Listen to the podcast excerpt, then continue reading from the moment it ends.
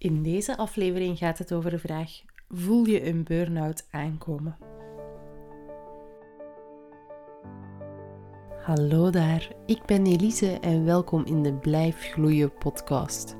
Met deze podcast wil ik het bewustzijn over burn-outs vergroten, zodat je weet hoe je een burn-out kan vermijden of iemand met een burn-out beter kan ondersteunen. Ik wil dat je kan blijven gloeien. Hey, jij daar. Welkom of welkom terug als je al eerder de podcast geluisterd hebt. Ehm, ja, zoals ik al aankondigde, vandaag uh, wil ik het eigenlijk hebben over de vraag: voel je een burn-out aankomen? Dat is een vraag die ik zelf ook al eens krijg: van ja, maar hoe weet je dat dan, dat dat eraan zit te komen? Kunt je dat dan voelen? Hoe zit dat dan? En daar wil ik vandaag uh, wat dieper op ingaan. Want voelt je een burn-out aankomen? Ja, in principe, als je de, de aflevering van stress tot burn-out hebt geluisterd, dan weet je dat er nog wat tussenstadia zijn. Hè? Dus je gaat van die gezonde stress naar aanhoudende chronische stress, naar het overspannen zijn en dan pas volgt die burn-out. Dus ja, in principe gaat je dat moeten kunnen, ja, moeten kunnen zien aankomen. Gaat je al bepaalde zaken voelen. Hè? Bijvoorbeeld onder die chronische stress, je merkt dat het al moeilijker wordt om te gaan slapen, bijvoorbeeld. Je merkt dat het al moeilijker wordt om te ontspannen. Ehm, bij die overspannenheid gaan er ook al zeker, gaat er ook al zeker een lichamelijke klacht zijn waar je last van hebt. Ehm, en vaak zelfs niet alleen lichamelijke klachten, maar ook mentale klachten, die je dan al gaat kunnen hebben. Nu, waarom Waarom komt dat dan zo plots? Hè? Want het, het, wordt toch wel vaak gezegd van ja, en, en plots had ik een burn-out. Dat is omdat je eigenlijk in die aanloop van een burn-out vaak al gedeconnecteerd bent met je gevoel. Dus mensen die een burn-out krijgen of die een burn-out zijn, vaak een van hun problemen is dat ze te veel in hun hoofd zitten. Waarmee ik wil zeggen, die denken na over alles. Die zijn uh, vandaag al bezig met wat ze morgen en volgende week en volgend jaar gaan doen.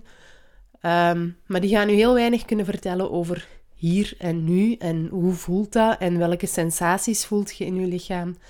Dat zijn dingen waar dat die vaak ja, wat meer afstand al van gaan nemen.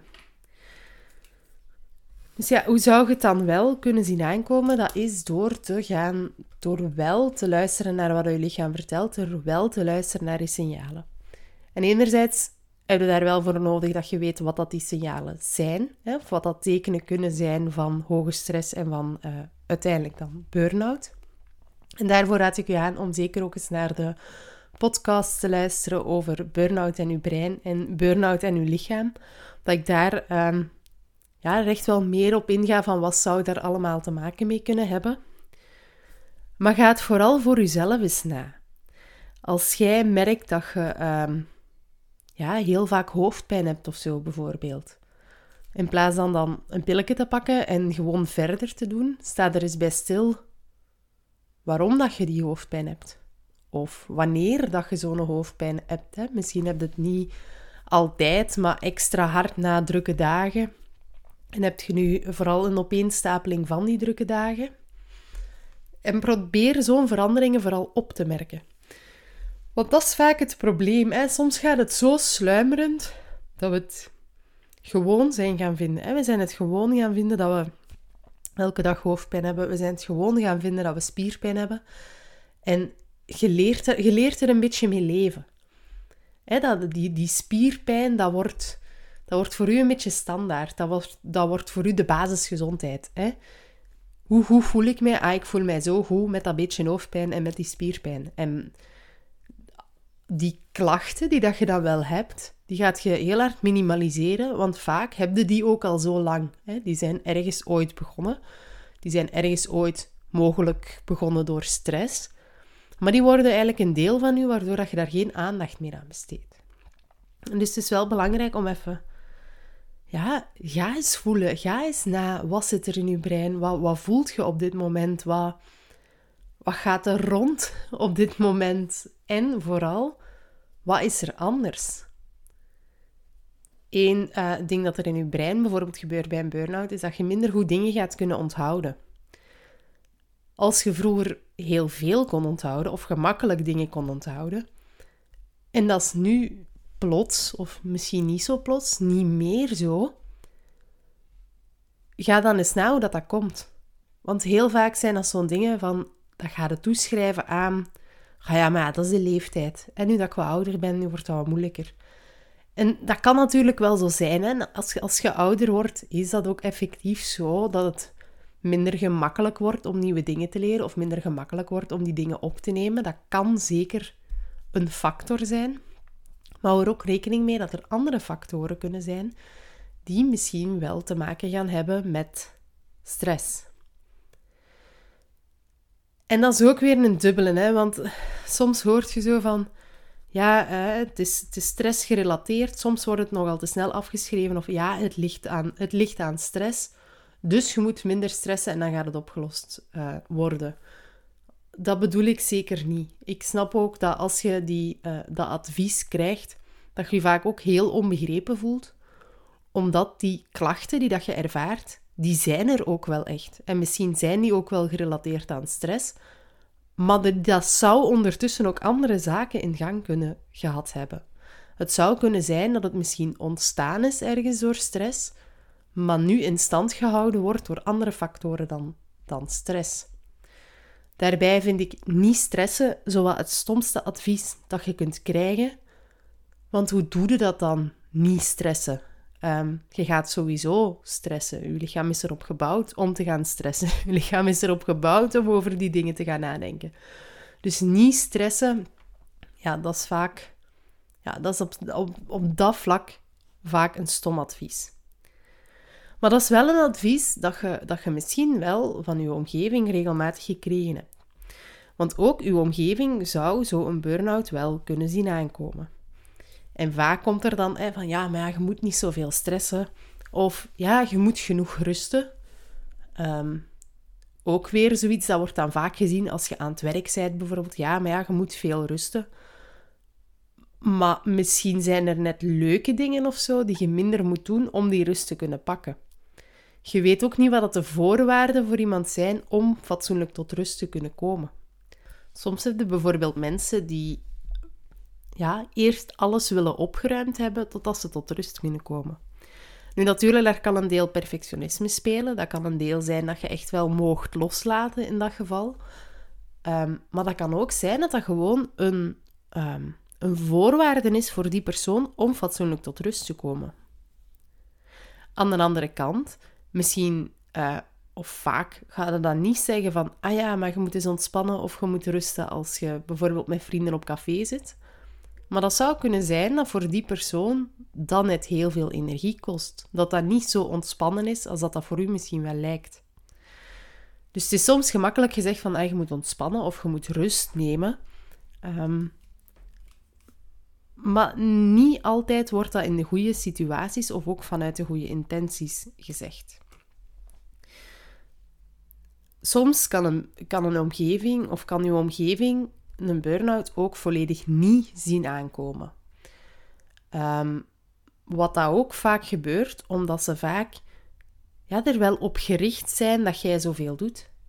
Dat kunnen mensen zijn die gewend zijn dat jij alles doet, dat je alles op je pakt. En dat, dat die kunnen dat appreciëren. Dat is gemakkelijk voor hun, dat jij zoveel dingen op je, uh, op je pakt, dat jij zoveel dingen regelt en zo verder. Dat kan voor heel veel mensen gemakkelijk zijn. En heel veel mensen, ja, die gaan dat misschien al gewend zijn. Die gaan dat ergens misschien ook bewonderen van, amai, dat jij zoveel kunt doen. Dat, dat zou ik niet kunnen, ze. En dat kan, allee, hè, die energie hebben of zo energiek zijn, dat kan zeker een goede eigenschap zijn, hè, daar niet van. Of zo actief zijn, dat kan een heel mooie eigenschap zijn, zolang dat die balans er is. En waar dat die balans ligt, dat is weer voor iedereen anders. Uh, zelfs als ik heel veel rust neem, uh, dan zal ik nooit een enorm energiek en actief persoon worden. Dat zit gewoon niet in mij. Ik heb ergens ook sowieso meer rust nodig. Sommige mensen hebben meer rust nodig dan anderen. Ik merk dat bijvoorbeeld bij mijn kinderen ook. Um, als mijn dochtertje een nacht slecht geslapen heeft, dan heeft hij het echt moeilijk de dag erna. En wij, en wij vaak ook. Terwijl mijn zoontje, als hij een keer een dut overslaat of een keer wat later in bed ligt of zo, die heeft daar veel, veel minder last van. Natuurlijk, als dat te vaak gebeurt, ja, dan zit het terug op hetzelfde. Hè? Als dat te vaak gebeurt, dan gaat daar ook problemen in komen. Het is niet dat hij een onuitputtelijke energie heeft of zo. Dat heeft niemand trouwens. Maar je werkt wel dat de nood aan rust bij veel mensen verschillend is. En wat dat rust of wat dat ontspannend dan is, dat verschilt dan ook weer bij veel mensen. Maar omdat er dan wel vaak de perceptie is van, ja, maar ja, je bent zo energiek, jij doet altijd zoveel, jij kunt dat ook zoveel doen, dat, dat gaat u afgelijk niks. Kan dat ook zijn dat ook je omgeving de signalen van die burn-out niet gaat herkennen? Um, soms omdat ze het niet willen zien, omdat je niet wilt zien dat je naaste misschien toch niet zo een superheld is als dat je er in je gedachten van maakt. Uh, deels ook omdat het gewoon gemakkelijk is voor u dat u naast zo'n dingen op gaat nemen. Maar anderzijds ook gewoon omdat je, omdat je het niet gaat delen, omdat je het misschien niet vertelt, omdat je misschien zelfs niet voelt welke problemen dat je ervaart, dat je zelfs niet meer voelt dat je elke dag hoofdpijn hebt, dat je elke dag volledig verkrampt bent, dat dat, dat zo normaal is geworden dat je dat amper nog opmerkt. Of dat je het misschien wel voelt, maar vanuit een overtuiging van ja, maar ja, ik ga niet klagen, dat je dat ook niet gaat delen met je omgeving. Dus dat je omgeving dat op dat vlak ook weer niet gaat kunnen opmerken. En wat ik net zei, zo van dat, hè, van dat je merkt het niet meer op, dat je, dat, je, dat je zo voelt, je merkt het niet meer op, dat je zo verkrampt bent, je merkt het niet meer op, dat je hoofdpijn hebt en zo verder. Heel vaak gaat je die dingen opmerken als je net wel even rust kunt nemen, als je net wel gaat kunnen ontspannen. En je herkent dan waarschijnlijk al wel het volgende. Het is, het is druk op het werk. Ehm, het is druk buiten het werk. Je hebt, je hebt heel veel te doen. Het is, er komt heel veel op je af. Er is van alles gaande. Maar volgende maand heb je vakantie. En je kijkt echt al enorm uit naar die vakantie. Je bent er echt helemaal klaar voor om te gaan ontspannen, om niks te doen, om waarschijnlijk ook nog wat taakjes in huis bij te werken, om op vakantie te gaan. Je, kijkt, je, je ziet het helemaal zitten. En de eerste dag van je vakantie zijn ziek. Dat is net het punt van dan staat je er nog eens bij stil wat dat je voelt. De kans is groot, of de kans is bestaande, dat alles wat dat je dan voelt als je je ziek voelt, hè, die eerste dag van de vakantie, dat je dat misschien een week daarvoor ook al allemaal voelde. Misschien had je toen ook al hoofdpijn. Misschien waren dat toen ook al, al fitloos. Misschien hadden toen ook al nekpijn, schouderpijn. Hadden daar toen ook al last van. Maar je waart zo bezig met gaan, gaan, gaan. En hoe moet ik dit allemaal gaan doen? En ook nadenken van, oké, hoe ga ik dat doen? Hoe moet ik dat doen? Om ook al verder te kijken en nadenken over die vakantie. En ga van alles, ga over van alles gaan nadenken, zonder eigenlijk te voelen hoe dat je je dan voelt. Dus je hebt daar een tijd niet voor. Je hebt een tijd niet om te voelen dat je eigenlijk misschien al ziek werd of dat je je eigenlijk misschien al niet goed voelde. Dus dat is daar ook wel echt, als je dat herkent van, ja, dan heb ik verlof en dan ben ik standaard ziek, sta er dan ook eens bij stil dat je misschien daarvoor al ziek voelde. Of dat je misschien daarvoor echt al wel over je grenzen aan het gaan bent. En dat dat ziek zijn in je verlof dan daar een uiting van is. Want dat geeft dan ook wel vaak aan ja, dat, je, dat je misschien toch in die overspanning bent. Want wat dat je dan heel vaak doet, hè, je bent de eerste paar dagen van je, of de eerste week van je verlof ziek. Dus je doet wel wat minder, want je voelt je niet zo goed. Maar dan gaat het toch nog die taakjes in huis doen die dat je nog van plan waart. En dan komt toch nog je vakantie, waar dat je meestal toch ook wel actief gaat zijn, want je wilt toch alles gezien hebben en zo verder. Die vakantie is voorbij en je hebt alles terug uitgepakt, wat dat dan ook weer hè, een enorm werk is. En dan gaat het terug werken dan heb je eigenlijk in die vakantie amper tijd gehad om voldoende te bekomen. Als het goed is, heb je al wel die paar dagen tijd gepakt dat je ziek waart om, om toch te ervaren dat die klachten weg kunnen gaan. Maar vaak doen we dat zelfs niet. Vaak gaan we daar dan gewoon even doorbijten en gaan we dan toch nog leuke dingen doen dan. Um, maar dat is echt wel een patroon dat heel herkenbaar is bij mensen met een burn-out. Dat ze nog even gaan doorbijten dat dat ja, dat dat voor watjes is om daarover te klagen. Dat, dat het toch voor, voor is dat je hoofdpijn hebt en dat je daardoor laat doen en dat je daardoor, weet ik veel, dingen niet gaat doen of niet gaat gaan werken. En ik herken dat ook wel. Hè? Ik heb dat zelf ook wel voor een groot deel gehad, maar ik besef nu ook dat als ik daar meer bij stilsta en als ik veel sneller thuis blijf, dat ik ook veel sneller opgeladen word. Als ik mij nu ziek voel, zal ik sneller één dag thuis blijven van het werk om goed uit te rusten, om de dag daarna meer te kunnen gaan doen of terug meer te kunnen werken. En daarin zit het verschil. Hè? Hoe lang, enerzijds, hoe snel grijpt je in? Hoe snel geeft je jezelf de kans om te gaan recupereren, om te gaan rusten en om te gaan ontspannen? En anderzijds ook, hoeveel, hoeveel uh, kans geeft je dan eigenlijk om echt te bekomen? Want dat is dan vaak ook nog. Hè? Dus, dus we voelen ons eigenlijk al drie dagen ziek, maar we wachten om naar een dokter te gaan totdat het echt niet meer gaat. En we wachten niet om terug te gaan werken totdat het goed gaat, maar we, we wachten om terug te gaan werken zodat het goed genoeg gaat om het een dag vol te houden op het werk.